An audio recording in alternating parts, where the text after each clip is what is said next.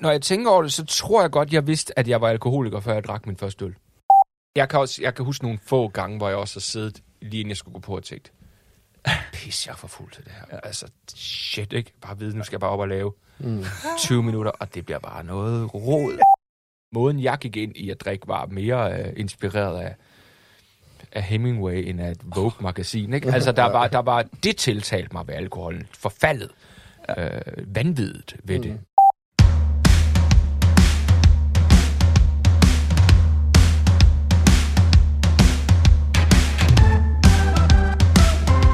En narkoman og en alkoholiker sidder på en bænk. Podcasten er produceret af Køks Production og udgivet i samarbejde med Hus Forbi.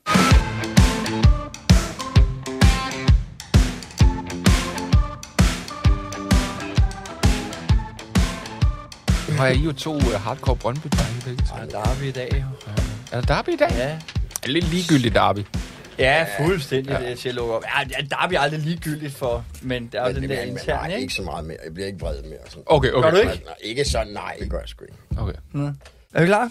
Ja, Velkommen til podcasten Narkoman og alkoholiker sidder på en bænk.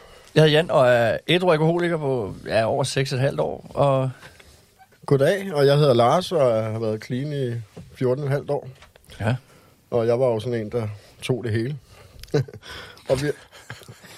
Du, var du drak jo, jeg drikker kokain, ikke? ja, hyggesniffet lidt, ikke? Ja. ja. Hvor jeg var den anden boldgade jo. Ja. Men altså, Vi har en gæst med igen i dag. ja, vi har. Og det er jo ingen ringer end øh, stand-up-komiker Thomas Warberg. Velkommen til, Thomas. Tak. Ja, Jeg ligger mig lige i midten og siger, at jeg har ni år. ja fedt, mand. Ja, det er jo kæmpe, ja, det er jo kæmpe stort. Ja. Okay. ja. Eller hvad- en måned eller sådan noget, tror jeg. Og hvad var dit øh, sådan misbrug? Altså, Kun druk. Kun. Aldrig taget andet. Nogensinde. Øhm, jeg havde faktisk i mange år, og, og det tog mig lang tid at finde ud af, hvorfor, jeg havde, øh, jeg synes folk, der røg hash, var de største tabere i hele verden. og det er ikke sjovt, når man tænker, hvor meget jeg har drukket og sniffet sambuca, fordi jeg synes, det var sjovt, ikke? Øhm, øh, men, men altså, flere år tog det mig for at finde ud af, hvorfor, og det slog det mig. Det er fordi, alle andre stoffer end alkohol var væk fra der, hvor mit misbrug var. Så jeg stod i en bar. Så når folk sagde, hey, jeg har hash, så gik de uden for baren. Så de gik væk fra der, hvor mit misbrug lå. Så når folk tog stoffer, så var de ikke en del af den fest, jeg ville have dem til at være. Så derfor var sådan et, kæft hvor du en taber, du går udenfor og tager noget andet end, uh, end dine 11 fadøl, jeg er i gang med at drikke her. Så jeg har forlidet mig med det nu, men jeg har aldrig, jeg har aldrig prøvet at ryge, altså jeg har aldrig smagt en joint. Intet andet end alkohol. Det er ret sjovt. I går så jeg på, jeg har sådan en byvejn, der så jeg nemlig en stangstiv alkoholiker, mm. der ikke har været i bade længe, og, og siger, jeg, hvad er der galt? Jamen, jeg er fucked up, så kommer der sådan en fucking junkie bare og sviner mig til. Du ved, og så en taber, ikke? Og så står han bare der med tre tomme flasker. Ja, og en det- bajer. Det er sjovt at have modstand på andre, når man selv sidder i det, ikke? Ja. Det er, det Det altså fordomme, når man selv er, ikke kan styre, styre tingene, ikke? Nu talte vi lige lidt fodbold, inden vi startede, ikke? Det er, Ja. ja. det er jo ren uh, Brøndby FCK, og, ingen, kan- og folk står ude for at sige, det er jo, bare, altså, det er jo begge to fodboldhold. For fodbold, ja. helvede. Fuldstændig. Du ved, flere af dem skifter hold. Hvorfor fanden hader hinanden så meget? Men det er, det er, det er lidt det samme nogle gange med, med alkoholikere og narkomaner, det er rigtigt nok.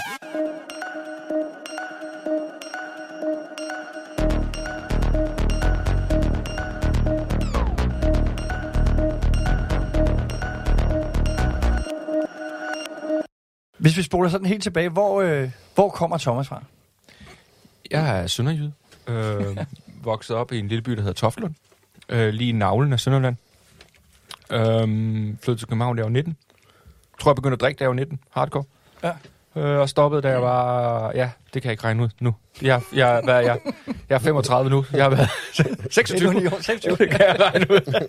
Så egentlig ikke, ikke, ikke et langt misbrug, Nej. Egentlig, men det, det er jo kun godt. Mm. Ja, for der er jo nogen, der skal bruge årtier på at nå dig til. Jeg sad i, jeg var i afvinding inde på, øh, jeg kan ikke huske, hvad det hed, men inde på H.C. Andersen Boulevard. Og jeg kom ind, og det var kun mig, og så var det pensionister, alle sammen. Og en del af dem var gamle mænd, og jeg kan huske, en af dem sagde til mig, gid jeg var stoppet i din alder, Ja. ja. fordi så kunne jeg ligesom have annulleret tre skilsmisser. Så har du ikke været igennem tre, så har du forhåbentlig kunnet. ja, men, det, men, men der var noget fantastisk i, ligesom der var, det var, der var fremtiden, der lige kiggede ind og sagde, hey, ja.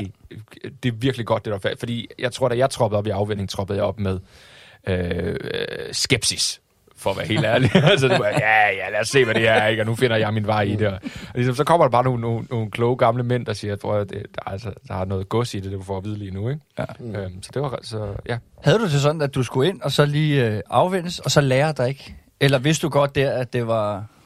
Så jeg, jeg, jeg, troppede, jeg tog en samtale med en, øh, sådan en vejleder derindefra, fordi jeg egentlig ville have nogle tricks til at drikke mindre. Altså, jeg havde ikke en idé om, jeg skulle stoppe. Jeg, jeg havde bare en idé om, at hver eneste gang jeg prøvede at drikke lidt, så drak jeg rigtig meget. Og så snakkede vi en time, og så sagde hun, der er de der 10 tegn på, at man er alkoholiker. Øh, og hun sagde, jeg har bare siddet og krydset af undervejs, du har, du har 9. så måske du skulle starte. Mm. Så øh, jeg ved ikke, om jeg fra dag 1 tænkte, nu stopper jeg. Jo, det gjorde jeg måske nok. Øh, jeg er ret loyalitetstro, hedder det, ret lojal. Det, det har vundet meget, så der, der er et system, så nå, jamen, så følger vi det. Ja. Øhm, så, så det var ret hurtigt, jeg tænkte. Og så det, ja, det 24-timers-reglen er- var god for mig, ikke? Mm, Så det, det var behøver- også det, ja. min behandler sagde. Ja, Jamen, stop i dag, så kan du tage noget i morgen. Det var bare sådan, hvordan fanden har du fundet på det? ja, ja Altså, det, jeg har prøvet her i 20 år, Ja. du ved, at skifte ud og tælle sammen på tæer og fødder, og så prøver vi det og stopper. Og lidt mindre, og, ja. men aldrig. Jeg kunne huske, nytår var en ting, jeg meget tænkte over. Altså, jeg kan godt stoppe med, hvad til nytår? Ja. Der skal man jo drikke, og så det, den tager du, når det kommer. Mm. Nå, okay. Så, det, altså, Hvad dato var det her, du blev ædru på? jeg kan ikke huske det. Øh, jeg har valgt den 9. september, men, men jeg kan oprigtigt ikke huske, om, om det var den sidste dag, jeg drak, eller den sidste dag, jeg var ædru, eller hvornår jeg lappede det ind. Altså, jeg kan huske, efter et par måneder, tænkte nu, nu vælger jeg Tager vi den. 9. september ja. ja. Er, er min dag, øh, som jeg griber fat i som værende den, den store dag.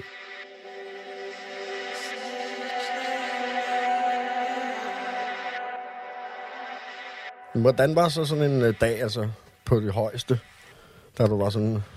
Øh, Øh, vågne klokken et sted mellem 11 og 1 øh, med bimlende tømmermænd. Tjek telefonen. Skriv undskyld til de mennesker, man nu har gjort et eller andet for. Få fat i min ekskæreste, sige undskyld, at jeg kom væltende sent hjem. Så have en idé om, at okay, jeg ville have skrevet nogle jokes. Det er jo nok for sent nu. Så ned og lige få et eller andet at spise, som var en pizza med æg på, fordi det er morgenmadspizzaen, æg og bacon pizzaen.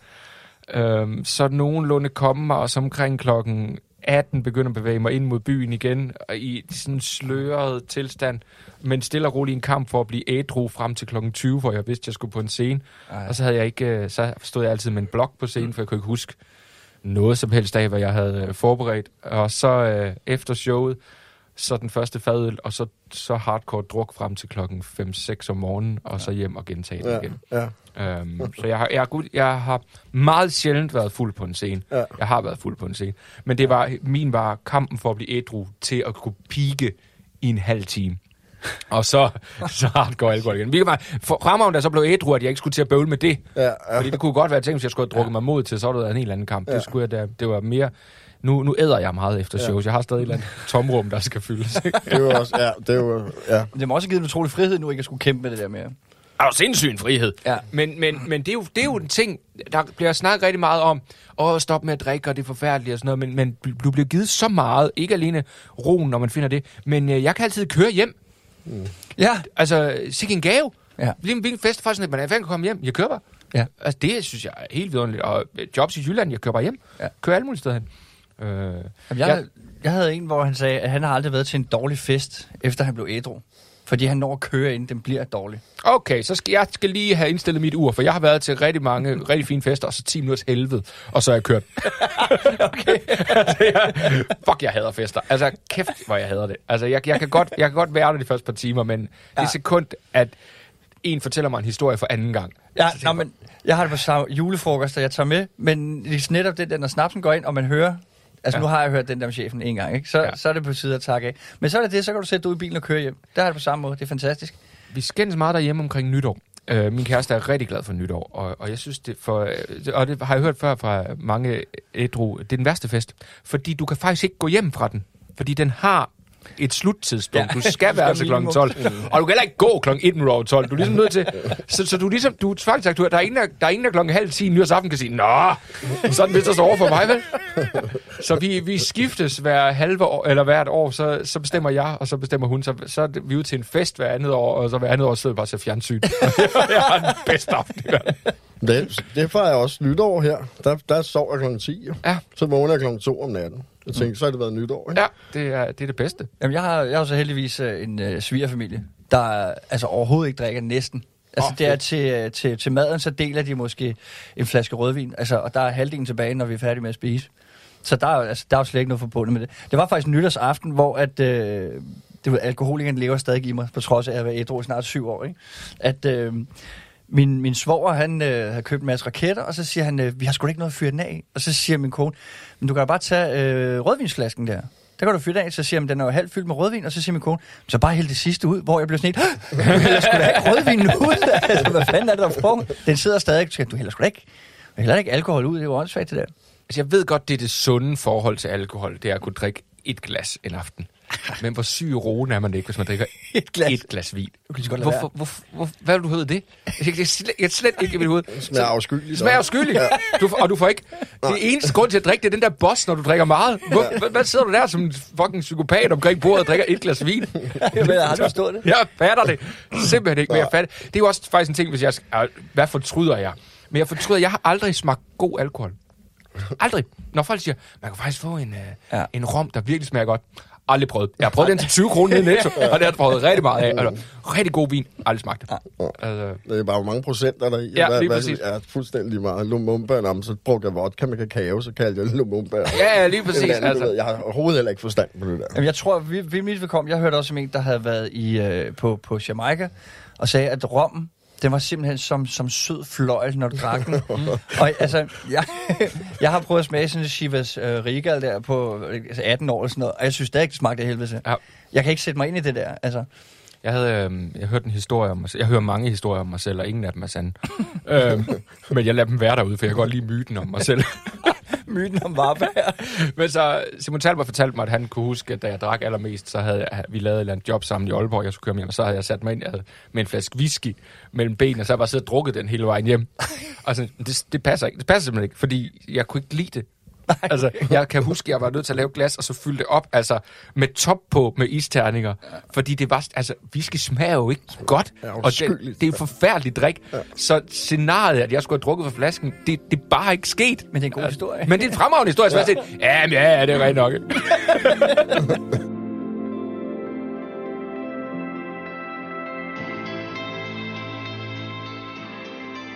Men hvornår sådan, øh, går det op for dig, der er et eller andet, der ikke er som du ved, er med alle andre? Altså, Jamen, Jamen, jeg noget, du, Hvornår begyndte du at drikke? Altså, fordi...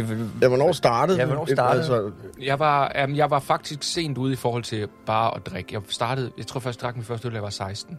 Mm. Som egentlig er sent. Ja. Øhm, jeg øh, ser tilbage, så tror jeg, jeg har haft en idé om, at jeg ville komme til at bøvle med det. Jeg, m- min morfar var alkoholiker, og, øh, og min farfar må også have været det, uden at det er blevet sagt højt. Øhm, så, så jeg har vidst, at jeg skulle passe på med det. Mm. Jeg begynder, da jeg flyttede til København, da jeg er omkring de øh, jeg er 19-20 år. Øh, jeg havde en øh, kæreste på det tidspunkt, som jeg gør det over med. Og jeg tror, at øh, da det gik over med hende, er det først der, jeg ligesom... Det løfter sig fra mig, hvor, voldsomt det har været at være sammen med hende. Og der begynder jeg at drikke. Og så tror jeg også, jeg kommer i et miljø, stand-up miljø, som...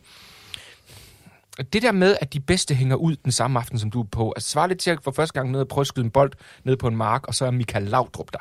Mm. Så bliver du. Mm. Og hvis Michael Laudrup siger, skal vi lige have en øl, så tager du en øl.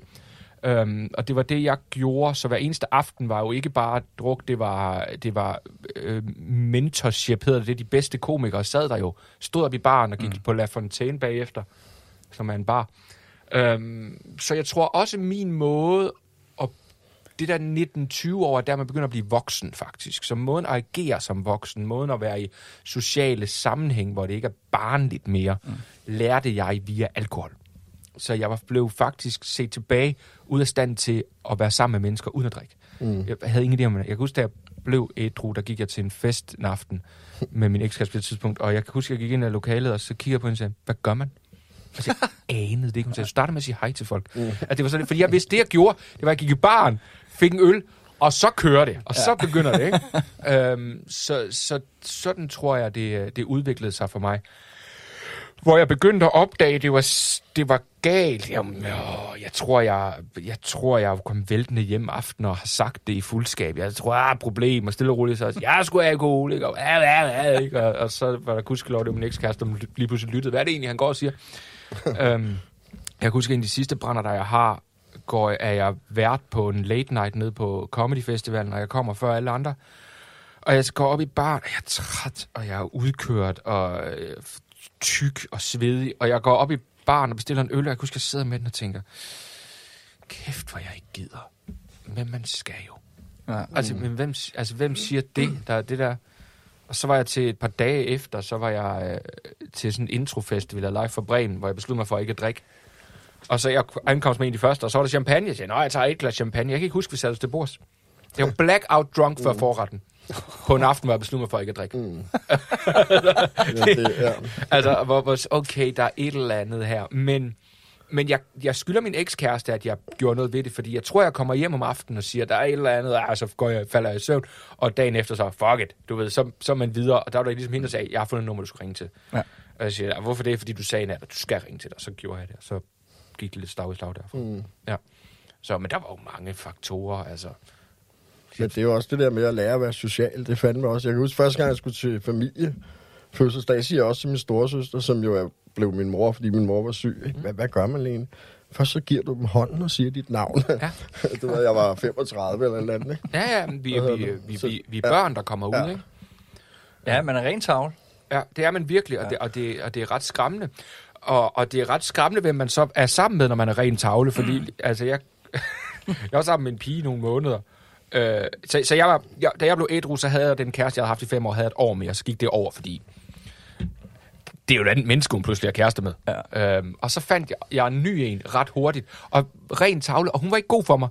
Og hvor meget hun egentlig fyldte mig op med forkerte ting. For jeg var, jeg var bare sådan, okay, fortæl mig, hvordan man gør det her. Okay, Ja. Du gør sådan og sådan og sådan, og bare være nej, det er der ingen, der gør. Det er dig, der er helt skæv på den. Men jeg var bare sådan lidt, okay, men det må være sådan Du er der. blevet manipuleret fuldstændig. Jeg vil ikke manipuleret. Hendes idéer var bare ikke rigtige, kan jeg Nej. godt se nu, øh, i forhold til, hvordan det skal være. Man er, man er virkelig ren tavle. Det, det er meget, meget skræmmende. Øhm, ja. Ja, Hvor fanden kom vi fra, mand? jamen det er det. Vi havde Nej, fordi jeg tænkte på noget af det, du sagde der. Øh, det er sgu første gang, jeg har fået sådan en her. Nå, det skal I ikke være ked af. Nej, er nej, det er det, men- Man klipper bare ind på det. Nej, men det er jo Ja. det der med, ja, ja, det er jo... Nej, fordi der, du ved, nu Nej, kan det er jeg jo huske det der med, at hvornår øh, mærkede du egentlig, det var forkert. Det er jo ret interessant, synes jeg også, at du altid kunne mærke. Det har jeg også altid vidst, der var et eller andet underligt inde i mig, ikke? som ikke var som alle andre. Jeg har altid haft sådan en fornemmelse af, Ja. ja. at det kunne hurtigt gå galt, ikke? Og når jeg hvad nu. Men, men tror du, man ikke havde haft Thomas Warberg i dag, hvis du ikke havde været... Hvis jeg ikke stoppet, Nej, hvis du ikke havde drukket og stoppet, eller haft den komiker, du er i dag, jo. Øh, det er et godt spørgsmål. Så jeg ved... Så jeg kan se tilbage på i hvert fald at sige, at en afhængighed af at drikke og dermed stå i en bar, mm. spillede rigtig godt overens med at få spots på open mics, der var på en bar. Så i forhold til, når jeg kiggede på andre folk, hvor ofte de optrådte, så kunne jeg fordoble det uden problemer med den vildeste. Fordi jeg brugte min søndag, da jeg boede i Aarhus på at til København, for at stå på den eneste open mic om søndagen, der var der. Og jeg stod øh, til sære arrangementer hister her, fordi der var tre øl involveret. Så, så, så der har været noget i en, en et sundt individ havde nok brugt tid derhjemme den søndag. Eller, altså jeg kan huske øh, i Aarhus-dagene, så ja, det ved jeg ikke, man startede med at lave en open mic, og så køre til Aalborg og lave nummer to, og køre tilbage og kunne nå den tredje i Aarhus. Altså det der med at have den intensitet i det, var også et afhængighedsgen, øhm, som jeg har haft. Så der er klart noget der. Men jeg vil så sige, jeg havde en ting med, at jeg prøvede at skrive 30 jokes hver dag. Øh, det er mere nemt, end man tror, fordi det, det er bare en sætning. altså, Mm. øh, men det var sådan det, jeg gjorde. 30 jokes. Og, og, og så da jeg holdt op med at drikke, der skrev jeg ikke i et par måneder. Fordi, altså, så satte jeg mig ned en dag og tænkte, nu prøver jeg lige igen at skrive 140. Så, På en dag? På, altså på en time. Øhm, fordi et eller andet pludselig var tændt i hjernen, ja. som var druknet. Og jeg havde tydeligvis øvet noget og kunne noget, men jeg havde gjort det i bedøvet tilstand i ja. Ja. seks år. Så der er jo noget i at sige, det er vildt, hvor markant bedre jeg blev, da jeg stoppede. Altså, ikke bare lidt bedre, sådan grotesk meget bedre. Og det er vildt, hvad min karriere gjorde ved det. Jeg kan huske, jeg lavede Skanderborg Festivalen, hvor jeg troppede op øh, en lørdag, og alle andre havde jo været der på festivalen, og været en del af festivalen, og de kom alle sammen, vi skulle optræde kl. 12, de kom alle sammen med tømmermænd, og vi skulle optræde for 25.000 mennesker. Og jeg kom og var veludvilet og frisk i hovedet, og gik op og tørrede gulv med de andre, mm. fordi de kunne ikke, deres brændert kunne ikke vente til lørdag. De skulle være fulde fredag. Og ikke have en, en idé om, om kl. 12, 25.000 mennesker, du skal være god her.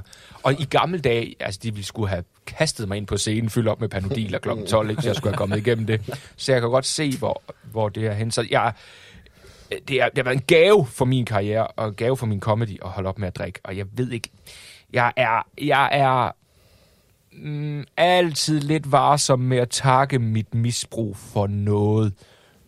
Øh, men, men der er der ting der, som har tiltrukket mig. Og også det med at blive hængende hele tiden. Altså, det er jo en identitet.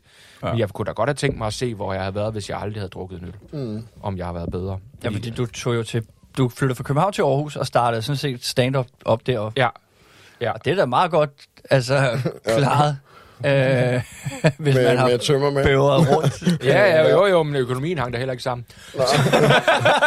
Nå, men det er jo er ret... de Ja, tre gratis fadøl på ja. alle stederne. Ja, lige præcis. Øh, og også en, øh, en ligegyldighed over for at få det til at blive mere professionelt og sådan noget. Det var ikke Nej. vigtigt for mig, så det gjorde også, det kunne, det kunne hænge sammen.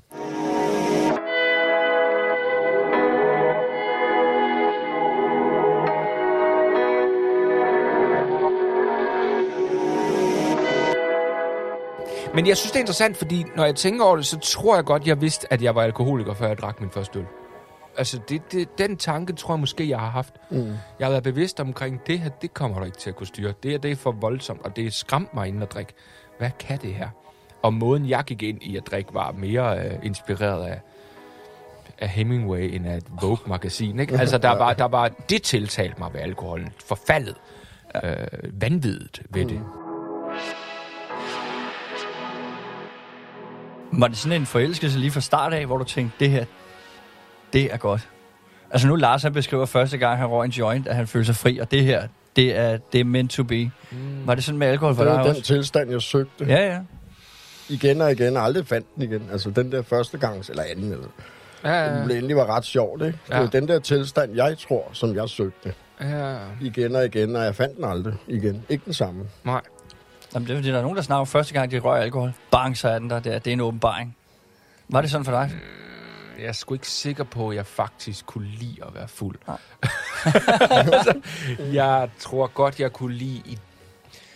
Så jeg var lidt... Jeg tror, jeg var forelsket i ideen om en type. Altså, der er noget i det, vi laver i kunstneren, der går i stykker. Altså, mm. det, er den, det er det, vi er vokset op med også. Der er jo ikke nogen...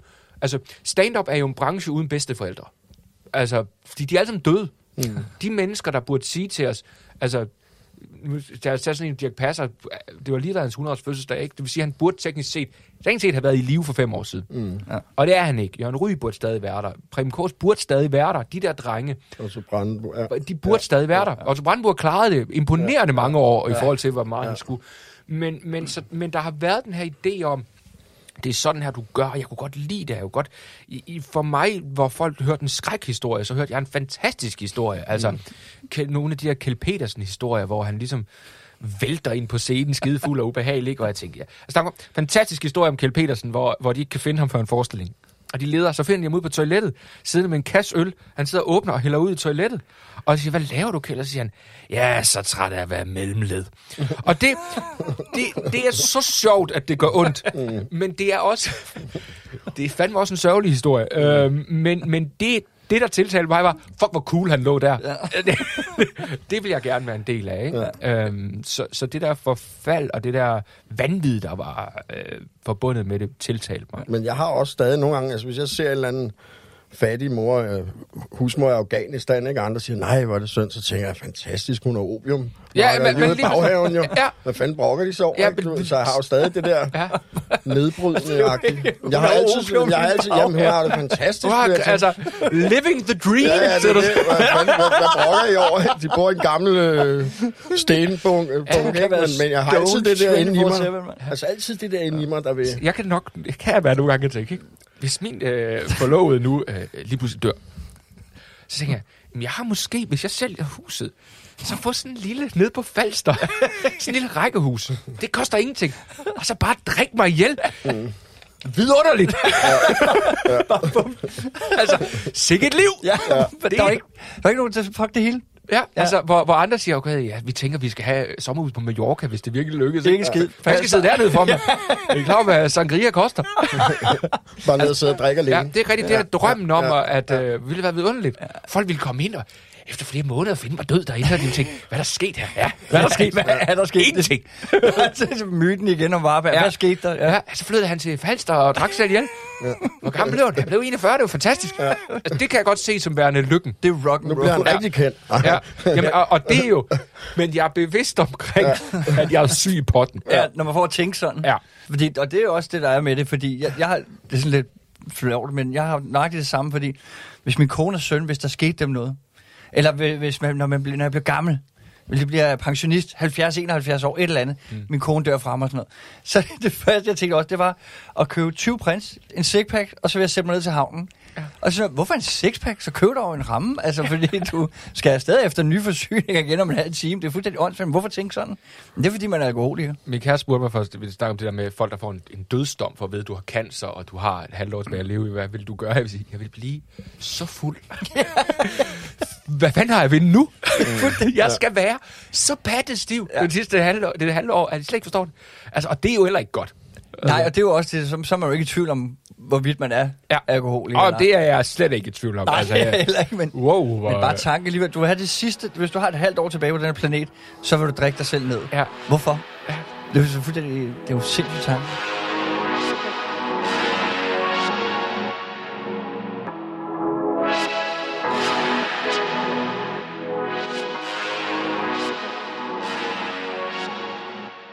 Lige det der med det rock and roll, jeg hørte, øh, var det Johnny Madsen for nogle år siden. Der var sådan en fast inventar til Varde Festival, eller Open Air, hvor det ene år, der var han blevet så plørefuld, inden han skulle på scenen, så der var ikke nogen, der fattede, hvad han sang. Så året efter, der hentede de ham om morgenen i hotel, og så kørte de ham rundt i byen i seks timer, indtil han skulle optræde for at være sikker på, at han var ædru. Ja. Det er sådan en fed historie også, hvor man tænker, han er sindssyg. De havde i gamle dage på Nordisk Film, havde de en ansat til at holde øh, Paul Reichardt ædru frem til kl. 12. det var hans eneste job, var at sørge for, at Paul Reichardt var ædru til optagelse. er det ikke sindssygt? Men det er også rigtigt. Det er jo også de forbilleder, man... Altså, Ja. de har været fulde, og så tror jeg også mange også unge måske tænker, "Jamen, hvis jeg skal være skuespiller eller sanger, så skal jeg være stiv. Ja. Eller sniff coke, eller et eller andet. Ikke? Det er ligesom om, der er sådan et billede Jamen, og, og der, af, at man ikke kan uden, ikke? nu skal jeg ikke kaste Mikke Øgendal under bussen, fordi han er det rareste menneske i verden og har været meget, meget sød, men, men jeg havde et, øh, et æselspot, hvis folk ikke ved, hvad det er, så det, hvor du får lov som helt ny at komme ind og lige lave et par minutter på, på Comedy Zoo. Og der er kun optaget to-tre gange, der jeg var inde, og så var Mikke på. Og, og fredagen, altså jeg bliver, så, jeg bliver så fuld, så fuld, så fuld, så fuld, så fuld. Øhm, så jeg går igennem kl. 16 showet, der er jeg fundet så mange tøvmænd, og kl. 20, jeg kan nogenlunde se, at jeg skal bare hjem. Og så går jeg op i baren og siger, farvel, og så siger Mik, skal du hjem? Så siger jeg, ja, jeg er tøvmænd. Så, Nå, så bliver du ikke komiker. det sagde han sgu til mig. Altså, jeg kunne, Nå, jamen, så må jeg jo hellere... Øh, altså, så der, var noget, der er noget i den der måde at være på, de forbilleder, man har, og det, hvad, hvad, hvad drukken er omkring det. ikke? Ja, jeg, kan, jeg, kan også, jeg kan huske nogle få gange, hvor jeg også har siddet, lige inden jeg skulle gå på og tænkt, pis, jeg er for fuld til det her. Altså, shit, ikke? Bare vide, nu skal jeg bare op og lave mm. 20 minutter, og det bliver bare noget råd, fordi, hvad fanden er det, jeg hedder? ja, det er en meget, meget ubehagelig øh, følelse. Ja, for en sted, du er jo på, på arbejde. Ja, du er. Ja, øh, Jamen, du har haft noget respekt for det jo, når du har kæmpet for at blive ædru, faktisk. Ja, og og så ja. ligesom haft den der... Ja, og jeg havde også, altså jeg kan huske, jeg lavede første sæson af Live for Bremen, der drak jeg stadigvæk og sov nogle af brænderne ud i løbet af prøvedagen og sådan noget. um, og, og, og, det var også en ting, der var med til at sige, jeg kan ikke, jeg kan ikke følge med i det, den ambition, jeg har, Nej. hvis jeg bliver ved med at gøre det her. Altså, det kommer til at vinde. Og det var en af grunden til, at jeg skal lære at drikke mindre. Jeg skal lære at kunne... Ligesom når jeg ved, at jeg skal noget i morgen, skal jeg ikke drikke den aften. Altså, det var jo min- min start til mm. Så viser det sig, at jeg skal nok stoppe helt. Um, så, så ja, jeg har klart haft en, en respekt for, at det skal kunne, uh, at det skal kunne fungere. Ja. Jeg kan huske, jeg varmede op for Jacob Wilson, da han optog sit første one-man-show. Jeg havde glemt det. uh, og jeg, jeg, lige pludselig kl. 19 siger, jeg, skal jeg ikke være inde på Zoom om 10 minutter? Bare patte stiv tropper op til hans tv-optagelse, ikke? End at bare for at være fan. Altså, det er også kæft for det dårlige stil.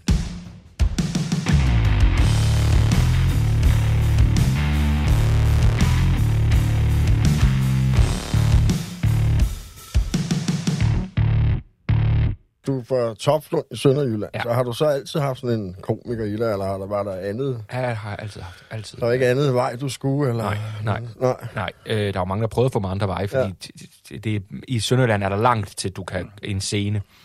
Øhm, så, men nej, jeg vidste, det var den vej, jeg skulle, og alt andet var... Det, jeg tror, jeg sagde skuespiller, mm. for det var det bedste bud, men jeg kan huske, jeg har haft sådan en lille printet øh, udgave af noget DM i stand-up fra et af de første, fordi jeg, og jeg har været 12, så jeg åh, det er det, jeg skal, det er det, jeg gerne vil. Så, så det har altid været den vej. Øhm, det har jeg aldrig... Øh, jeg, jeg har aldrig... Jo, jeg har overvejet andre ting, men kun fordi nogen har sagt, du skal overveje andre ting. Mm. Ja, så det, det var det. Og det var, jeg følte mig hjemme første gang, jeg kom ind i et backstage-lokal. Hvor debuterede du hen med stand-up? Comedy Zoo. Det var en meget god debut. Ja. Det, kunne man, det var det eneste sted, man kunne dengang. Um, så, øh, Hvornår var det? Øh, Øh, det er 15 år siden. ja. Så det er, nu skal jeg igen. Jeg, jeg er til, øh, hvad vores tal har vi? Vi er 20? 20, ja. 05? Ja. Uh, lige efter øh, det DM Linda vandt. Jeg startede i januar. Ja. Uh, lige efter, ja.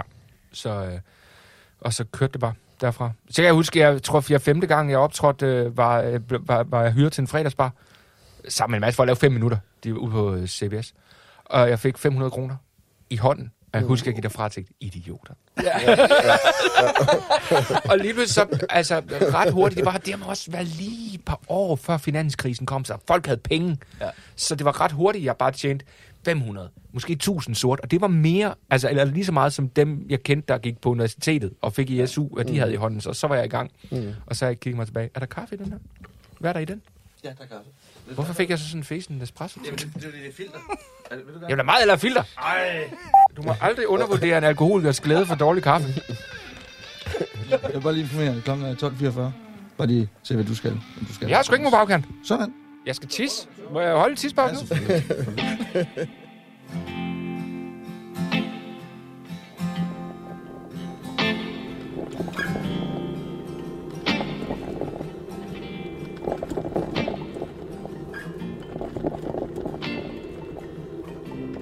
Det vi slap fra var ellers ret spændende, men det var noget med, at du har fået 500 kroner.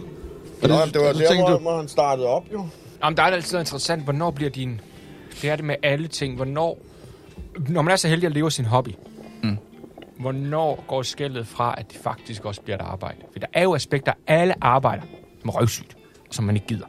Og hvor man skal gøre sig umage. Og der, jeg tror, når man starter med at lave stand-up, så, så gør man det bare, fordi det er sjovt. Mm. Og man bliver ved, fordi det er sjovt. Lige pludselig så når man til et eller andet skæld, hvor Øh, skal jeg blive ved på den måde, hvor det bare er sjovt, eller skal jeg tage nogle skridt ind i, hvor det faktisk bliver rigtig, rigtig hårdt og rigtig nederen? Altså, det er jo ikke, det er jo vildt sjovt at optræde, men det er ikke sjovt at køre til Tisted. Det er det bare ikke. Altså, det er fucking røvsygt, og det er ikke sjovt at hilse på folk bagefter, men er det det værd? Og, og det, altså, jeg, melankoli, før jeg havde kørekort, det er melankoli er et godt ord, ikke? men at gå i regnvejr fra busstationen i Sønderborg ned til gymnasiet, og du bare kan se alle de her vinduer med folk, der har det vidunderligt i aften, og du bare går ud og pisfryser, for så at stå og blive råbt af gymnasieelever i en halv time og få 1700 kroner i hånden, så det hele dagen går i plus med 50 kroner, ikke? og så ind i en bus igen. Altså, fuck it, så gør man det.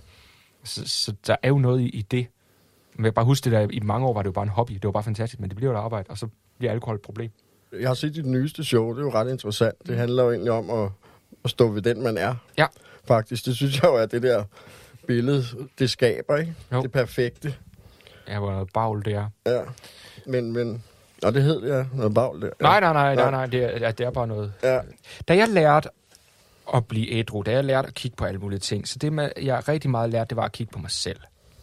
Så det vil sige, at jeg kan sidde og sige, det her, det er, det her er en ting, jeg oplever, der er fucked up. Hvorfor er folk sådan? Og jeg er nødt til i det at kigge på mig selv og sige, at jeg er måske det største problem her. Mm. Og det er jeg ofte. Ofte mig, der er problemet. Det, det sidste show, jeg lavede, handlede meget om, så det, det, det, der blev sådan rigtig med at stå ved sig selv. Mm. Undskyld, det bliver fragmenteret, det jeg siger nu, men, men, men det er virkelig svært. Fordi det, man også gør, jeg gjorde, når jeg, da jeg blev ædru, det var at pludselig skulle jeg til at sige, "Mm, kan du se hende den grimme der? Ja, han har knaldet rigtig mange. altså det der med, og det er jeg virkelig ikke stolt af, men det gjorde jeg. Jeg var der. Det var mig. Og det gør jeg ret uperfekt. Og det gør, og, og, og, og jeg, kan, jeg, jeg sidder lige nu og kigger på en, jeg er meget fascineret af Instagram. Øhm, fordi det er en perfektionskultur, der er helt absurd. Øh, og, og, en, og en lyst til at vise sig selv som værende en, der har styr på det. Og det er ret interessant, fordi det vi craver at se hos hinanden, det er, at vi heller ikke har styr på det. Så hvorfor viser vi hinanden noget, ingen os har lyst til at se? Mm. Men der er, der er et kompleks der. Det er, Og alle ved, at der ikke er styr på det. Men Jamen, man lige præcis. som om det er. Men det var så befriende for mig nu. Nu siger jeg det for åben mikrofon, det kan være, ikke, men, men, men da jeg skulle tisse, og du siger til mig, er du begyndt at chatpisse nu? og jeg siger ja. Og så siger, det gør jeg også. Og jeg er bare sådan lidt, tak! tak, fordi jeg ikke er den eneste, der fucking chatpisser, når jeg stiger en cykel. Altså, Mm.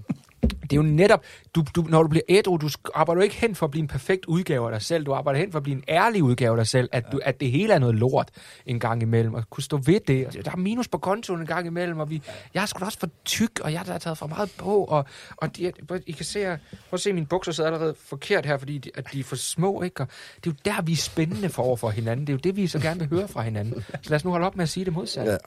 Jeg måtte virkelig trække maven ind for at lukke dem her. Dem købte jeg før øh, og tog corona, hvor jeg Ja. trænede. Ikke? Så det var, jeg måtte virkelig trække i dem. Jeg købte... Øh, jeg, jeg, Og t-shirt, jeg kan ikke... Nogen t-shirt næsten kan ikke passe mere. Ja, og det er så vildt, altså. Hvis du ikke kan 100%. acceptere dig selv for de fejl, du har, Nej, eller stå ved stå dig. ved det. Det, Ja. det, det, du er. Så, så, kan du, så kan du heller ikke være ærlig. Hvis du ikke kan være ærlig over for dig selv, kan du heller ikke være det over for andre. Og så er det dødsdømt jo. Jeg brugte den lidt øh, for meget i et periode efter, jeg var blevet ædru. Så brugte jeg det som en undskyld. Ja. Jeg er også ædru alkoholiker, så øh, du ved. Øh, Ja, så derfor er så... Og der, når du kan bare ligesom sige, er jo, men, men du er også pikhoved, ikke? Åh oh, ja, det er, det er pikhoved. Det er nok det. Jamen, det, det er dit. Det er dit. Ja. ja. Nå, nå, men, men hvad hedder det? Hvornår tager du sådan, øh, tænker, det, det skal jeg leve af? For jeg, kan, jeg har hørt nogle komikere, jeg også kender, som har prøvet det, og så vendt tilbage til arbejde igen. Ikke? Jeg har aldrig haft arbejde. Øhm, så der har ikke... øh, Der har ikke det har jeg ikke. Det er ligesom mig, og jeg lever ikke af stand Vi har egentlig valgt samme vej. Jeg har bare været heldigere. Øhm, Jamen, jeg har prøvet nogle arbejde. Jeg, jeg er engang meldt barnsyg, selvom jeg ikke havde nogen børn. Ikke? Fordi jeg tænkte, dem der har børn, de bliver aldrig spurgt, indtil chefen opdagede det. Ikke? Så prøvede jeg du ved, at sige, at det er mine indre børn. Det synes han ikke var sjovt. Det var ikke værd. Kommunen, så blev jeg fyret fra den der ungdomsklub. Hvad hedder nu? Så jeg, så hvad hedder nu?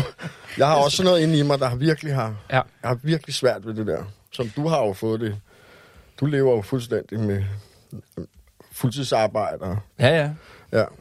Jamen, jamen der, er- jeg, kan ikke, jeg kan ikke øh, pinpoint det. Nej, nej, jeg jeg men- kan bare sige, at det kom lige så stille, og så var jeg heldig, at, at det, det kørte. Og så var jeg heldig, tror jeg, hvor de punkter, hvor det tidspunkt, hvor det ikke kørte, der drak jeg, så opdagede det ikke. øhm, jeg tror, at et, et rationelt menneske ville have sagt, det her går jo ikke. Det går jo tydeligvis ikke. der gik jeg på en bar.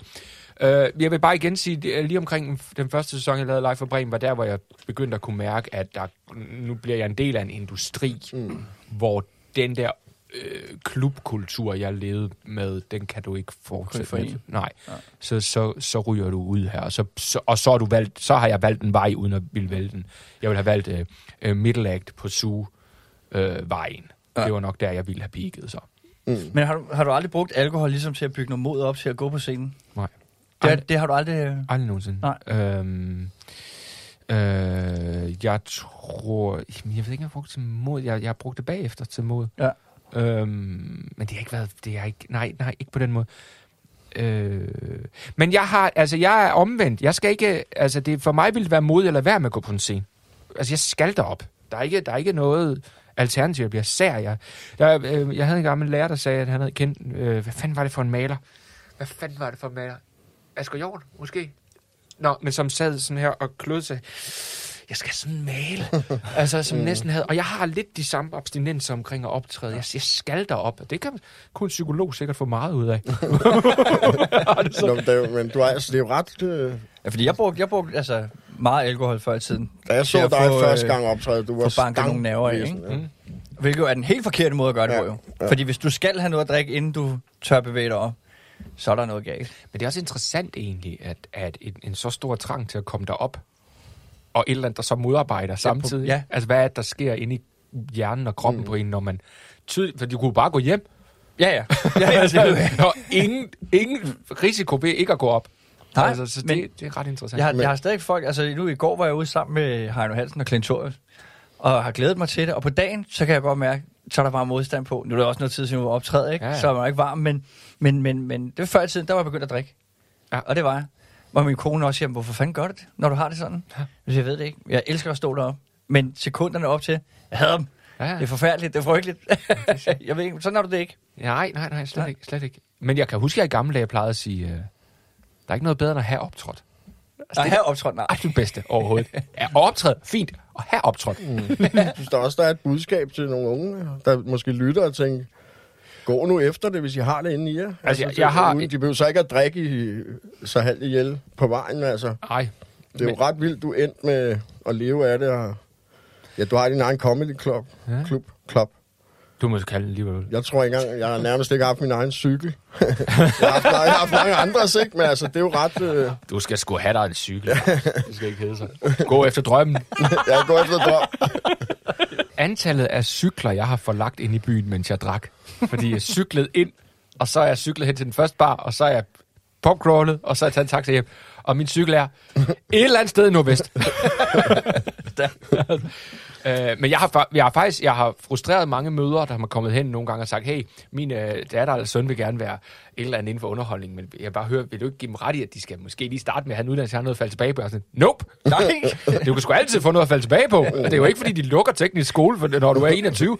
Kør, mand. Ryk på det, du gerne vil. Det er stærkt. Ja. Men hvordan, øh, hvad, hvad har optrædelsesmæssigt, øh, hvad, hvad betyder det og, og for dig at optræde ædru kontra at være beruset? Altså, hvad er sådan, altså hukommelsesmæssigt, levering, timing? Men det er det hele. Ja. Altså, der er, øh, det, det, det, det er to helt forskellige. Hvis man skulle prøve at forklare. Så jeg ved, at jeg en enkelt gang har lavet et show, hvor jeg var blackout drunk. Jeg kan ikke huske, jeg har været på. Min øh, kusine var inde og se det, og hun sagde, det var egentlig okay, du kaldte meget folk for luder. øhm, det er ren instinkt, tror jeg, når du optræder fuld.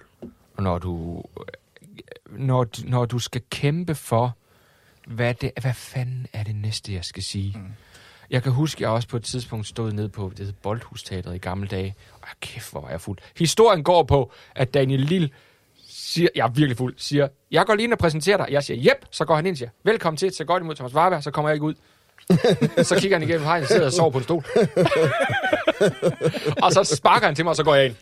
Det, jeg kan huske fra scenen der, det er, at jeg taler med en kvinde på vores række, og ret hurtigt går op, for- øh, fortæller hun, hun er øh, Oliver Bjerrehusets ekskæreste som er en comedy guldgruppe. Mm. Once in a lifetime. Og jeg tror, jeg responderer, ja, for det er, hvad jeg har. Det er, hvad jeg har på det. Jeg har ingenting. Altså, fordi der er ikke noget, der virker derinde. øhm, nu, nu, nu er jeg jo også nået op i en, i prisklasse, når jeg er ude på privatjobs, hvor hvis jeg ikke tropper op velforberedt, velsøjneret, øh, på mit skarpeste, så er det en katastrofe. Mm. Hvor i gamle dage, når man troppede op og fik 1100 kroner i fredagsbar, så synes de jo bare, det var sjovt, at man var fuld bagefter og lagde an på, på alt for mange af første gearne.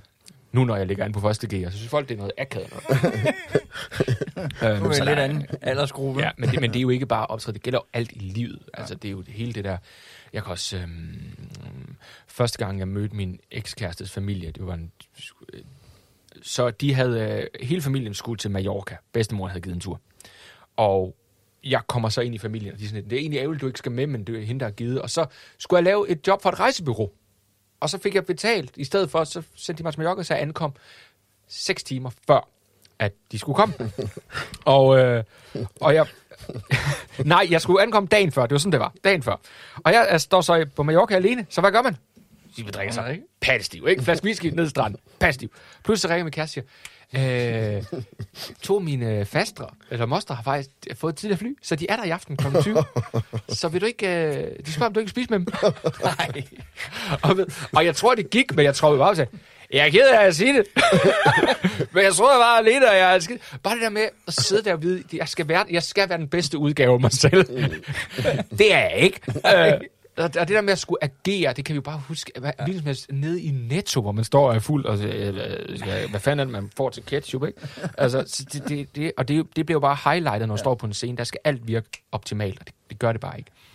Uh, ja. Men der var ikke noget aspekt af mit liv, der ikke har været en gave at stoppe. Men det er også det, du siger, det der med, altså når man sidder alene på Mallorca, hvad skal jeg lave? Så skal jeg selvfølgelig drikke. Ja. Det er jo det, man tænker jo. Ja. Altså nu havde jeg min... Øh, For at min, være min social kone- med mig selv. Nej. min, Ja, ja. min kone, hun lærte mig først at kende, efter jeg var blevet ædru, for ellers så var vi ved Gud heller aldrig fundet sammen. Men jeg kan huske, vi var på ferie i Tyrkiet, og jeg har hele tiden sagt til hende, du må, du må godt drikke, altså du, du skal ikke tænke på mig, altså du må godt drikke øh, en Irish coffee, eller et eller andet, fandt hun har lyst til. Og så sad vi og så et eller andet øh, show på hotellet om aftenen, og så siger jeg så til hende, er du sikker på, at det ikke vil have noget at drikke? Altså, jeg begyndte ligesom at, sådan at skubbe på. Ja. Jeg vil sige, du må godt drikke, du skal ikke altså blive ved. Og så siger hun sådan lidt, det der med at sidde og drikke alene, det er lidt tabagtigt, synes du ikke? Og så kigger hun på mig, og så er ligesom, det går op for hende, hvad fanden der hun snakker. Så brød vi ud af grin selvfølgelig ikke, men det er den der tankegang. Ja. Men altså, ja, vi synes jo, det er, det er jo fint nok at drikke alene. Men så er der normalt mennesker, der siger, vil du drikke alene? Så, Gud, ej, aldrig. Hvad skulle jeg det for? Ligesom dem, der siger, jeg kan godt drikke et glas vin, hvor vi sidder og tænker, idiot. Ja, ja. De er Så syge bliver, de, ja, så bliver den jo bare byttet. Jeg var i øh, London et par måneder efter, jeg holdt op med at drikke sammen med to venner. Rune Søltoft var en af dem faktisk, og så min ekskæreste også. Så, så kom vi til, at vi skulle hjem og køre til en forkert lufthavn som man gør nu. Og så skulle vi bruge en hel dag i en lufthavn, før vi kunne komme med fly. Og jeg husker, jeg sagde til min ekskæreste, jeg, sagde, jeg forstår ikke, hvorfor I ikke drikker jer spritstive lige nu. Og hun sagde, "Jamen, det er fordi, at øh, vi har ikke et problem. og det var sådan meget sådan god øjenåbner for, gud ja, der, der er jo andre måder at være på. Ja. Altså, det var der ikke for mig. Ja. Der var lige snart, der var en eller anden kedelig, eller en følelse af, at jeg skal vente eller noget. 10 timer i en Du lufthavn. ved, ja, så skal jeg drikke, ikke? Og sindssygt brænder, jeg skulle op og stå. Jeg skulle bare misse tog, så var jeg oppe og hente øl. ikke? Altså, misser det med vilje. Ja, der kommer et om 20 minutter. Der. Jeg kan da ikke stå her og vente i 20 minutter. Det er jo åndssvagt. Så selvfølgelig 10 Men det- timer i lufthavn, ja. det var en gave jo. Ja, du sindssygt. mand.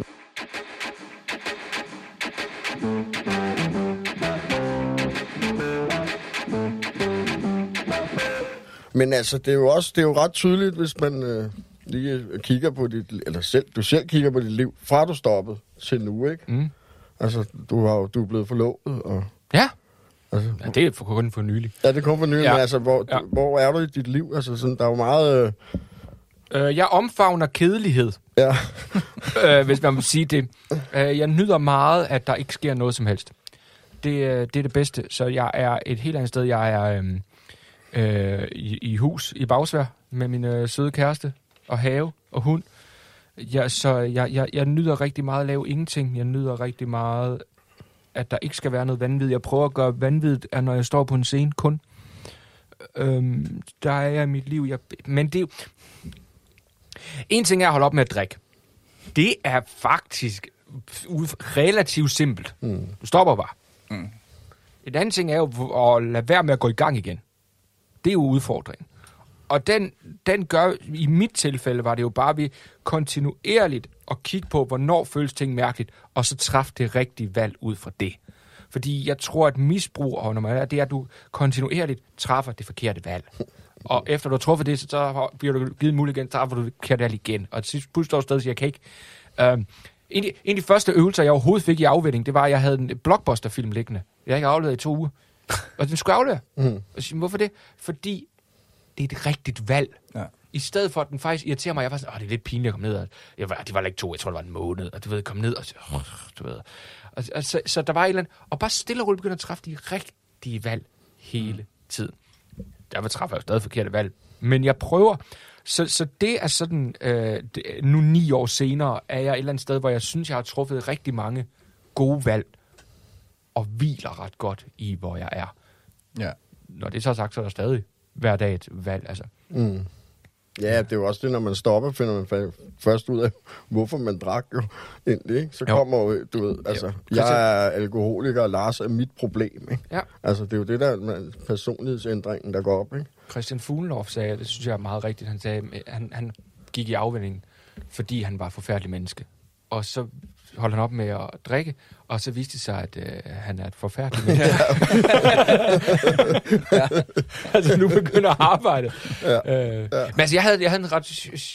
Det slog mig, da jeg kørte herind, hvor jeg sad og tænkte på, at jeg skulle snakke med jer. I går øh, lavede jeg et show, og det var rigtig godt. Øh, et, jeg synes, jeg var god. så, sige. Så jeg var sådan, du ved, der er sådan en følelse bagefter. Ja. Nu kører det kraftigt. Så jeg havde sådan lyst til et eller andet. Et eller andet. Jeg skulle, og klokken var jo kun ni og sådan noget. Hvad skal jeg, jeg, jeg skal have noget snolle. Jeg skal have noget slik. Ikke? og så, så ringer jeg til min kæreste. Jeg kører sgu lige forbi noget øh, slik. Skal have noget med? Nej, hun skulle ikke have noget med. Nå, Okay, så går jeg ind. Fanden skal jeg have? Så er der, har jeg en af de der store Tobleroner. Ikke, ikke lufthavns Tobleroner, men en af de store. Den skal jeg have. Mm. Og så tænker jeg, hmm, jamen, så skal jeg spise den derhjemme. Så er jeg jo... lidt- Fordi min kæreste jeg spiser for meget slik. Jeg siger, okay, men så spiser jeg den. Okay, men det er så den, øh, jeg kan spise den, hvor hun kigger. Så hvad fanden kan jeg spise, når hun ikke kigger? og så kører jeg en øh, plade Marabu med øh, saltmandler til bilen, så jeg ikke spise i smug. Så, så jeg sætter mig ud i bilen, og så, øh, så når jeg æde altså en hel plade Marabu, inden jeg kommer ud af bilen. Og så op med min... Øh, og så kysser hun og siger, du har spist chokolade. Ah, men, men Det er jo præcis det samme. Det er jo 100% det ja. samme. Jeg, jeg, jeg, er jo, det, er jo, det er jo misbrugeren. Mm. Jeg tillod mig selv et øjeblik af hardcore øh, adfærd. Mm. S- Altså, og det, er sådan, "Nå, hmm, det er interessant. Hvorfor skal jeg skjule en plade Marabu? Ja. Who gives a shit? jeg hyggede mig lidt med at skjule den. Ja, det er også, der er altid sådan en, jeg har altid et eller andet, jeg godt vil have alene. Ja. Der ikke er nogen, jeg skal rode med, ikke? Jo. Og det, det er jo også... Jeg plejer at sige, at jeg kan blive afhængig af alt på nær salat. Ikke? jo, men første gang jeg smagte en salat, den frihedsfølelse. Jamen, det, det, nå, men jeg tæ- før, før corona, så træner jeg, så tænker jeg, Fitness World åbner, så skal jeg træne. Og så går jeg der på vej derned og ser, der er kommet en ny ejer i huset som kebab, som har tilbud på 39 kroner for en pizza. Ser jeg ud af øjenkrogen og tænker, i morgen skal jeg træne. Ikke? Og det er, jo, det er jo samme, altså, Ja. de der afhængigheds, det er jo selvfølgelig, du kan ikke dø af det på samme måde, eller smadre dit liv på samme måde, men det er jo, men det er jo det samme, der går i spil. Det er 100% Jamen, det- samme jeg øh, har- adfærd. Jeg har næsten lige oplevet det her for, jamen, det er mindre end et halvt år siden, med de der monster energidrink. Mm. Og der lige pludselig så tog jeg mig selv at drikke 3-4 stykker om dagen, og skulle forbi tankstationen om morgenen, inden jeg kørte ud til første kunde. Og så har jeg også bare tænkt, det, det, det, det, det, stopper det her Ja. ja. nu. Jamen, jeg, jeg har jo her under corona nogle gange sagt til min kæreste kl. 10, skal jeg lave en kaffe mere? har du drukket en kan kl. 10? Ja, men du har da også fået... Har du ikke fået endnu? altså, det er fuldstændig absurd forbrug af ting. Ja. Øhm, så, øh, altså, så, så ja, vi, er- vi, er, vi er meget, meget syge mennesker. Ja. Men jeg Vi er udsat på det der, hvis man ikke er opmærksom på de signaler, som nu kroppen kommer med, Ja, ikke? og, det er sådan, det er dagligdags arbejdet. Ja. som, som ædru alkoholiker, synes jeg, det er hele tiden at prøve at sige. Og, også, og, det, og det er jo svært. Det er jo det, livet er jo pisse svært, så det, man møder nogle situationer en gang imellem, hvor man ligesom skal sige, øhm, nu må jeg prøve at træffe det rigtige valg, ja. på trods af det er nederne. Og, og, også, det er jo også en ting ved at blive ædru, det er at skille sig af med venner. Mm. er jo også hårdt. Men der er jo bare nogle mennesker, man har omkring, som man siger, jeg kan ikke. Mm. Jeg kan ikke være sammen med dig mere, fordi du er skide farlig for, for mig. Mm. Altså, det kan man så enten gøre ved at ignorere dem for evigt, eller også så er man nødt til at tage snakken. Og der, så der er rigtig mange grimme oplevelser. Mm. Ubehagelige oplevelser ved at blive ædru, men man skal ja. tage dem, og, og det er jo arbejdet konstant. Ikke? Ja, så jeg havde, synes jeg, for at lyde smart eller arrogant, jeg synes ikke, at det var svært at blive ædru, fordi jeg var kommet til et sted, hvor jeg virkelig havde smasket bunden. Mm. Og jeg ville- kunne bare mærke, at det, det er nu eller aldrig. Så det der med at blive ædru, det var at stille, øh, sætte proppen i flasken, det synes jeg var, var nemt nok. Men det var at leve ædru. Ja. Det, var, det var en opgave, eller en udfordring. Og det kan det stadig være i dag, fordi der er nogle gange, øh, hvis jeg bliver stillet over for problemstillinger, at jeg trækker mig ind i mig selv. Og du ved, ligesom så skyklapper på og siger, åh, oh, det skal nok gå over, det skal nok gå over. Det går aldrig over. Og det var der, hvor man brug, jeg brugte alkoholen før. Det var til at drikke, til at blive ligeglad. Ja. Og tænke, fuck it, pisse ligeglad. Øh, og så vågner man op dagen efter, og så er det jo ligesom en sneskål. Du skubber det bare foran. Ja, og det bliver præcis. tungere og tungere, der kommer mere og mere og mere. Jamen, det er Men- helt rigtigt. Ja. Det så er det der helt med at leve ædru, det synes jeg, det var det Ja, ja, en sådan- udfordring til at ja. starte med, og kan stadig være det. Jo, det er ret vanvittigt at, at, at lige pludselig en dag sige, jeg er i dårlig humør i dag. Ja. Så det er jeg. Mm. Altså, det er Ja. en fuldstændig vanvittig ting at sige for en ædru alkoholiker. Mm. Mm. Det, er, det er jeg er off i dag af helvede til, så nu tager jeg en dag med det. Altså, det, det, det Det er jo følelser, det handler om. Ja, ja, og, og stå ved dem, og ja, ja, ikke ja. hele tiden skulle være et eller andet for alle mulige andre. Ja. Man må også leve i, et- jeg er jo meget, meget lykkelig i mit parforhold, fordi jeg har fundet en partner, der tillader mig det her. Mm. Altså, man kan jo godt have en partner, når man siger, jeg er kraftet med et øh, sur i dag, som siger, det skal du ikke være, kom vi går i her. Altså, det, det har jeg ikke brug for lige nu. Jeg har brug for at være fucking sur. Ja, være det. Ja, og, og det er min øh, forlovede sindssygt god til at sige, det skal du bare have lov til at være, ikke? Øhm, Hun må være en stærk kvinde, ja. Fordi det, det er jo, hun har næsten været med hele vejen, jo. For Ja, blev det- ædru. nej, ja, ja, jeg, var, jeg var to år ædru, da Ja, to år ædru, det er alligevel... Ja, altså, hun, hun kommer ud af et hjem, hvor der også har været bøvl med det, ja, så det har været ja. en kæmpe hjælp også. Ja. Ja. Det synes jeg var svært, det, det der med, øh, da jeg skulle møde en pige igen, hvornår skulle man fortælle, at man var ædru alkoholiker? Mm. For det er, jo, det, er jo, det, er jo, det er jo en bombe, altså man lige pludselig skal smide, og kan de leve med det? At man skal ikke sige det på første date, så man sagde ikke, men man, hvor- længe har man så holdt noget skjult for hende? Hun opdagede det på anden date, fordi vi gik ind et sted, og jeg tror, hun var ligesom vant til at sige, skal jeg skal ikke have svin, så jeg skal have en dansk vand. Og det er jo bare et sært valg fredag kl. 20, ikke? Og så, hvis det er med citrus, så klinger lampen. Ja, ja, citrus. Det er der med citrus. Okay, hvor mange år? Ja, det er præcis. Ja, det er rigtigt. Vi har nogle, vi har nogle tells. Men det er også, al- altså, mennesker omkring en, de tilgiver jo er meget mere rummelige egentlig. Mm. Men jeg troede i hvert fald dengang, jeg troede sådan nogen, det er jo, det er jo egentlig mest mig selv, der ja. mest hakker mig selv ned på en eller anden måde, ikke? Fordi det er jo, Ja, folk er meget, meget venlige. ja, men du har været tidlig ude også at, at sige det. Altså, ligesom, det er jo også en befrielse i det.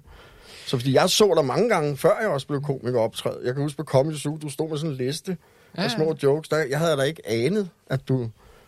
Skide fugl, mand. Nej, det er jo men det anede jeg jo ikke. Jo. Altså, så det er jo... Øh... Så jeg, jeg prøvede ret hurtigt at sige, at, at, jeg, at jeg var ædru, og jeg var alkoholiker. Og jeg prøvede også ret hurtigt at være bevidst omkring, at jeg ikke kunne være noget for nogen, udover at jeg kunne sige det. Mm.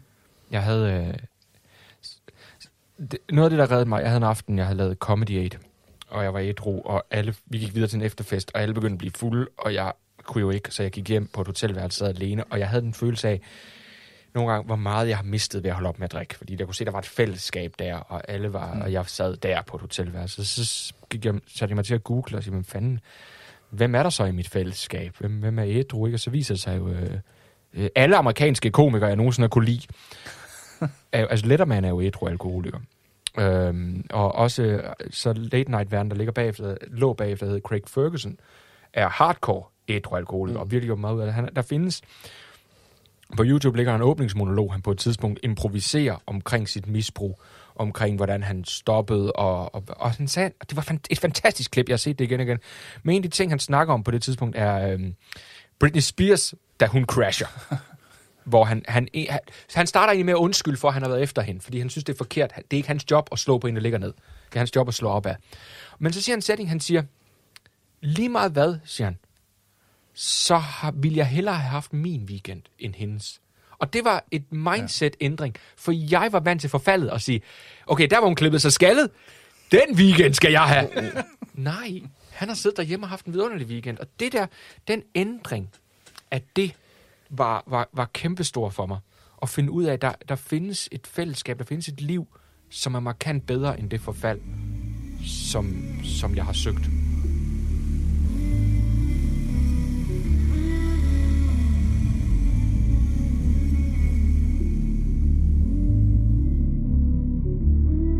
En af de ting, jeg også synes, er, som man faktisk glemmer at snakke om, der er ret fantastisk ved at være ædru, det er fællesskabet, man oplever. Vi, vi er lidt som om, vi har været i den samme krig. Vi har ikke kæmpet i samme regiment, Nej. men vi har noget at snakke om. Vi kan sige, hvor, hvor lå du henne? Hvor, du kæmpede der og der. Og jeg var på min 8 eller 7 års ædrusdag, optrådte jeg i Aalborg øh, til Skroen havde sådan en jubilæum. Og jeg var på lige efter Michael Falk, og jeg, jeg, jeg, jeg kender Michael Falk en lille smule, men ikke noget.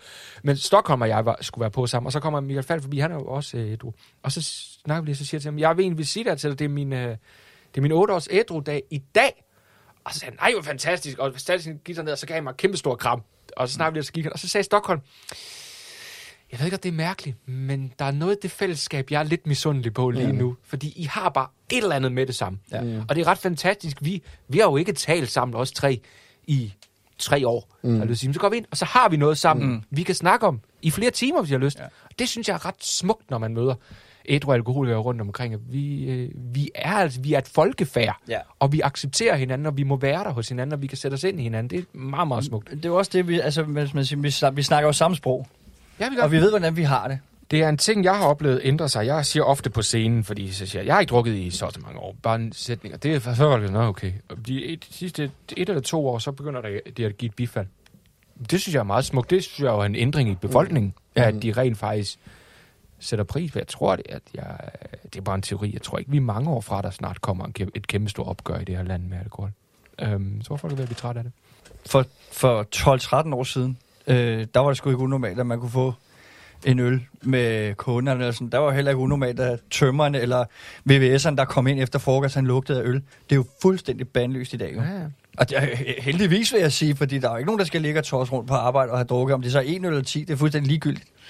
Så tror jeg faktisk også, at vi har vundet, altså, og vi kommer til at vinde meget mere som samfund ved, at vi har, øh, har fået så mange muslimer ind, som er jo fantastisk folkefærd rent alkoholmæssigt. Mm. Men rent faktisk får man nogen ind, der kigger på os med nogle andre øjne, jeg kan huske, der var en eller anden, der skrev på Twitter, sådan, øh, gut og muslim mand, som sagde, men det er jo en dansk tradition, at man kender en, der har et alkoholmisbrug. Du kan ikke møde en dansker, der ikke kender en. Nej. Lad os bare lige kigge på det, mm. som et menneske, der kommer ud fra et land, hvor man ikke drikker. Ja. Altså, det, og, og det, nogle gange har man brug for nogen, der kommer ind med en helt anden kultur og siger, må vi lige prøve at sige noget, hvad vi har observeret igennem de sidste fem år? uh, shit, mand. Det var ret... Ja det er jo... Alle familier har jo ikke. Man ja, gemmer men væk det er jo, det er jo tæt på 20 procent af befolkningen, man mener har et alkoholproblem, ikke? Så jeg sad i øh, øh, Røde Kors hjælpenetværk, deres telefonlinje her, nogle gange under coronakrisen. Og, og det, coronakrisen har sat et stort billede på, hvad vi, vi lever i et fuldstændig vanvittigt samfund på, mange, på nogle punkter. Ikke? Fordi det, der lige pludselig sker, da man lukker værtshusene, det er, at vi jo faktisk, uden at vide det, har bygget et system af at have nogle mennesker opbevaret et sted. Og pludselig er de hjemme. Og så begynder de at tæske løs på deres familie, ja. og de kan ikke få noget at drikke. Og, og vi er slet ikke, vi er slet ikke gearet til, vi, vi er gearet i årtier til at bare kigge væk ja. til hele den her problematik. Uh, og, det, og det er faktisk lidt spændende at sige, scorer staten uh, penge på det her? Ja. Kan vide, hvor meget det koster dem? Ja. Jeg skal vide, hvor meget det rent faktisk koster dem, at vi nok kunne hæve gennemsnitslevealderen med 5-10 år, hvis alle holder op med at drikke mm. i det her land. Og var, jeg hørte på tiden, at det ikke 40 procent af alle, der bliver indlagt på hospitalerne, er alkoholrelateret. Ja, på den ene eller anden måde. På en, en eller anden ja. Måde. Er, er du blevet kørt ned af en? Er du, Ja. Har du følgesygdomme? Har du, er du blevet slået? Er du blevet... Øhm, så det kunne være spændende at kigge på, hvis vi virkelig snart begyndte at gøre op med, med det her. Ja. Ja, det er ikke sejt at drikke. Altså, at man har den der, ligesom, ligesom rygning nu i dag, det er Ja. jo nederen at ryge. Ja, men Altså, der unge ved jo godt, mange unge i dag bliver jo ikke, altså førhen var der jo små, alt det der, at man kunne komme, er det sådan, du tænker måske, at man skulle Jamen, jeg ved ikke det helt op med det, der vil jo altid være, der, er- der, der er, så der er lige nu, og jeg taler kun ud fra, hvad jeg oplever, så det kan være meget lille sandhed. Men der er en idé om, at når man drikker, skal man være spritstiv. Ja, man skal hegnet. Man skal i hegnet. Ja. mm, Det skal, ligesom man sagde i Sønderland, det skal ikke nyes, det skal køres.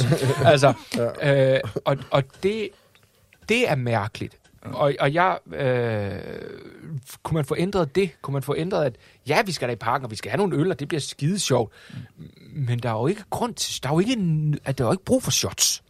Der er jo aldrig brug for shots.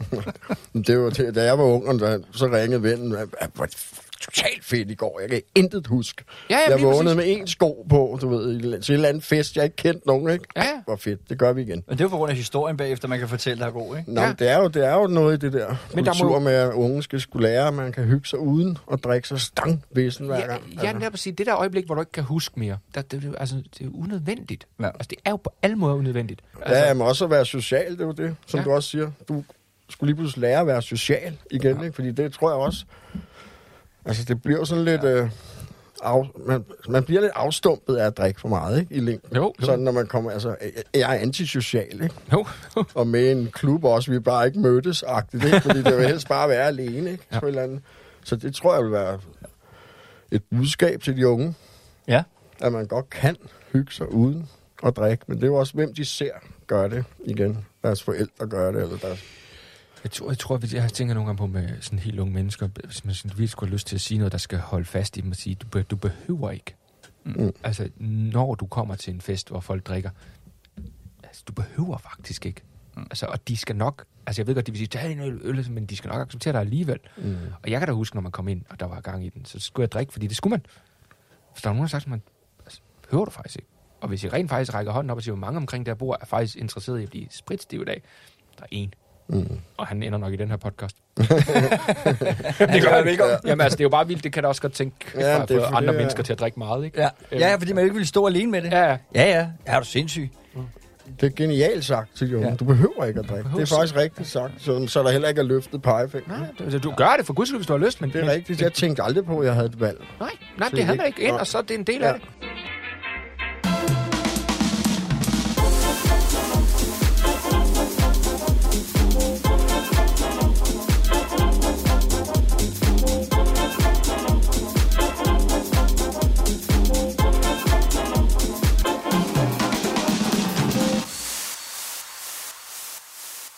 Hvor er Thomas i dag? Øh, Hvad har du gang i? Sådan. Hvad laver du? Ja, hvad laver jeg? Ja. Jeg laver ikke noget. Det er coronakrise. Jeg laver ikke Hvad er der på bedene? øh, Det ved jeg ikke. Øh, jo, øh, hvad fanden laver jeg? Jeg, øh, jeg skal lave one-man-show her til foråret, tror jeg. Eller det skal jeg. Så det skal jeg lige have skrevet. Men det skal du nok gå. Der er heller ikke så lang tid til jo. Nej, men det, det er... Som professionel komiker, så skal du kunne skrive et one-man-show på en måned. Det er en teori. så det, den henseende har jeg jo masser af tid.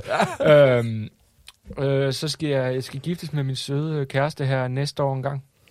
Så det går vi meget og hygger os med. uh, Gør I eller gør hun? hun, nej, men så, men altså, så kommer man ud og ser de her forskellige steder, ikke?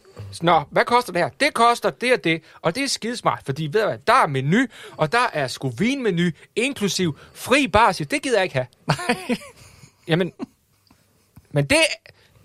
Men det, men det jamen, hvad, hvad er jeres alternativ til, den, øh, til fri bar? Ja, cola.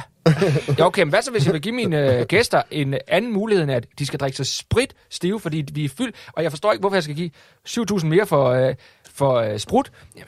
Jeg har vingælder. Jeg skal ikke. Jeg skal ikke. Hvad er jeres for... Der er ingen, der har et alternativ. De, de, de, de kan ikke sætte sig ind i, at jeg ikke vil drikke min familie fuld. Det er vildt, ikke? Okay, så siger jeg så, okay, her, hvad vi gør? Det vi gør, vi hyrer sgu en bartender, som kan lave nogle alkoholfri drinks, ikke? Det bliver skide, for så har vi et bedre alternativ. Koster så mange penge. Fordi det, han er den eneste mand i Danmark, der kan det. Altså, der er slet ikke noget alternativ der. Det er helt grotesk. Så det, er- og det, det snakker vi meget om. Hvad fanden gør man, når man ikke vil udskamme dem, der gerne vil drikke til ens fest, men man virkelig ikke vil have, at de gør det? Ja. De vil jo stadig gerne skabe en god fest. Og min kæreste har svært ved... For jeg siger jo, alkoholfri fest. Det kan jeg slet ikke forstå, for det ikke skal være. Og siger, ah, det er da lidt mærkeligt. Det er da godt være, det er mærkeligt. Det kan godt være. Men, øh, Men det ville også det være mærkeligt i et land det ville være mærkeligt. Danmark. Men jeg siger, lad os da være forgangsfolk, ikke? Der er sådan, men der er stadig den her kultur, ikke? Og der er, hvor meget skal vi være forgangsmænd i den, og hvor meget skal vi ikke? Hvor Skal vi, lave en, skal vi move en first mover? Ja, ja. men det er, det er, det er absurd. Altså, når jeg siger til dem, hvorfor ikke et alkoholfri bryllup? Mm. Det er jo en absurd tanke. Mm. Det synes jeg er ret spændende. Har I set Matador for nylig? Nej. Når vi genså den. Har I set Matador? Ja, ja, flere gange. Ja, det Ja. var bare, jeg Ja, ikke... ja, øh, Mads Skjern drikker ikke. Han er ud af noget kristen noget. Og øh, det er en gennemgående ting i den serie, at han ikke 100% er til at stole på. Fordi han ikke drikker. Og ja. de får ham knækket til sidst. til sidst, så kan han gudskelov lige tage et par enkelt til fester. Ikke? Altså, altså Mads Skjern er mærkeligt. De accepterer ham ikke i samfundet, og han, han passer bare ikke ind. Fortælling om en kultur, ikke? Ja. Altså, det, det er ret sindssygt at sidde og lægge mærke til. En ting, hvis jeg lige må sige det, jeg, og det jeg, en ting, jeg savner ved at drikke.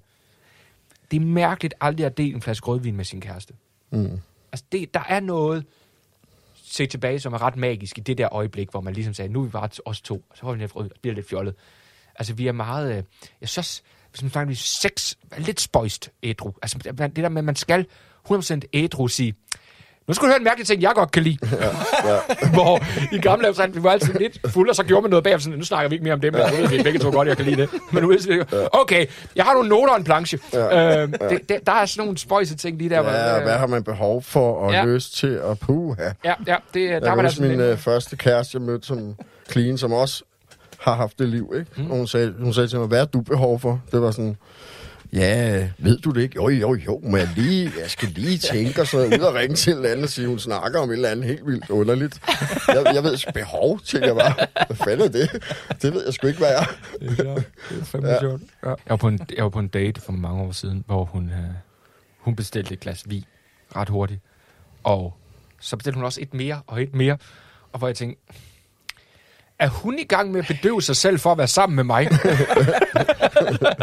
det nytter jo heller ikke noget. Altså, jeg kan godt se, hvordan du prøver. Altså, men, men hun var tydeligvis ikke vant til at skulle være i en date-konstellation nogensinde ædru. Altså det, og det synes jeg også er skræmmende hele det liv der, ikke? Vi kan mødes til et glas rødvin. Ja. Ja, eller vi kan mødes til en kop kaffe og rent faktisk lære mm. igen. Har I prøvet at være i byen med, med folk, der drikker, og så drikke sodavand i samme tempo, som de drikker øl? Det kan du ikke. Jeg, øh, den, den, den værste nat, jeg har haft i mit liv, var et par uger efter, jeg var blevet ædru, hvor jeg gik med ud og bare drak cola. Men jeg havde stadig mit tempo, mm. og jeg må have drukket 9 liter cola. Jeg kan huske, jeg stod sidrende i badet, koldt vand ned over mig for at falde til ro. Jeg kunne, jeg, altså, det er forfærdeligt. Det er jo fuldstændig, bare mængderne af væske. Ja. Det er, jeg gør det stadig lidt. Jeg drikker stadig alt i det tempo. Altså, jeg er på min tredje kop kaffe, mm. mens vi sidder her. Ikke? Jeg kværner også. apropos øh, afhængighed. Ja, vi går uafhængigt. Altså, det, det må jeg bare lære at leve med. Så kan jeg komme og sige, ja, jeg tisser meget, det er noget med rygsøjle. Det kan også være, Ja, det, jeg drikker 9 liter kaffe, det kan spille ind være. Er I også begyndt at pisse i bukserne som ældre? Nej, hvad?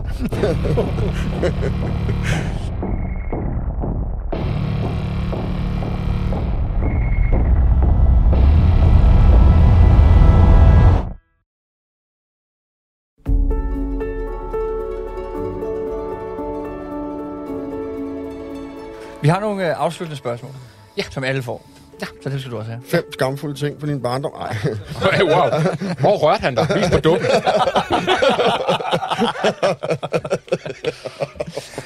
Hvis du kunne tage tilbage til Thomas 10 år, Ja. hvad vil du sige til ham? Øh, begynd at bruge rensekreme nu. Jeg kan huske, at øh, der var en, der sagde til mig, har du overvejet Clearasil? Jeg sagde, nej. Og så havde jeg 8 år med virkelig mange bumser. Jeg siger til alle mine nevøer nu, vi skal lige have noget rensekreme til dit hoved nu. Og bruge det. Ja. Hvis du kunne tage tre ting med på en øde ø, som Thomas, den aktive alkoholiker, og Thomas i dag, hvad skulle det så være? Øh, så tre ting for den aktive, og tre ting for den ædru. Ja. Øh, øh, pas. Jeg vil tage, som ædru vil jeg tage en virkelig god bog med. Øh, og så vil jeg tage øh, øh, en lommekniv. og, øh, og, øh, og det ved jeg ikke. Kaffe, tror jeg. Øh, som aktiv vil jeg nok have taget... Øh, øh, Ja, det ved jeg ikke. Og det, det er jo sådan noget, det skulle jeg nok have blevet spurgt om før, for det, ville- der ville jeg kunne sige noget klogere. For jeg vil bare sige sprut, sprut og sprut, men det man løbe tør for. Man skal have en form for destilleri, ikke? Hvor man kunne øh, udvinde noget. Og siger, okay, du har været der i 10 år, hvad har du gjort? Jeg kan lave snaps ud af muslinger. Ja. Sådan et eller andet, ikke? Øh, så det, det tror jeg. Han nu dealer. Ja. Fremragende valg. Ja, Vi har været hele vejen rundt. Var det det? Det tror jeg. Ja. Okay, jeg tror der var mange. tusind tak, mand. Det var Ja, sådan. fedt, at du kiggede forbi, Thomas. Ja. Tak fordi, at jeg måtte. Ja, Hjælp os med vores projekt. ja. Og... Nå, men tak for den her Ja. gang, og vi er jo tilbage næste uge. Det kommer. En ny gæst. Vi ses. Jeg har fået et nyt fix. Det er hjemmeis. Hjemmeis. Ja, det er forfærdeligt. Ja, det, og det er virkelig dårlig is. Nej, nej Nå, synes ikke... Øh, nej, det er nougat og chokolade, sådan liter. Du får to øh, store bøtter for 120 kroner. Det er så forfærdeligt, at hjemmeismanden, han øh, kører... Vi har et bord på sådan Han kører en ja. grund. Nej, han kører hen, og så holder han Der foran ja. vores have. Hver gang, så bimler jeg lige med klokken. Jamen, jeg skal være 100% ærlig at sige, at han holder også ude foran os. Fordi jeg kan ikke... øh, Men, det er, jo, det, men det, er jo, det, det er jo sådan en helt anden ting med at blive voksen, ikke? Altså, jeg nogle gange, det snakker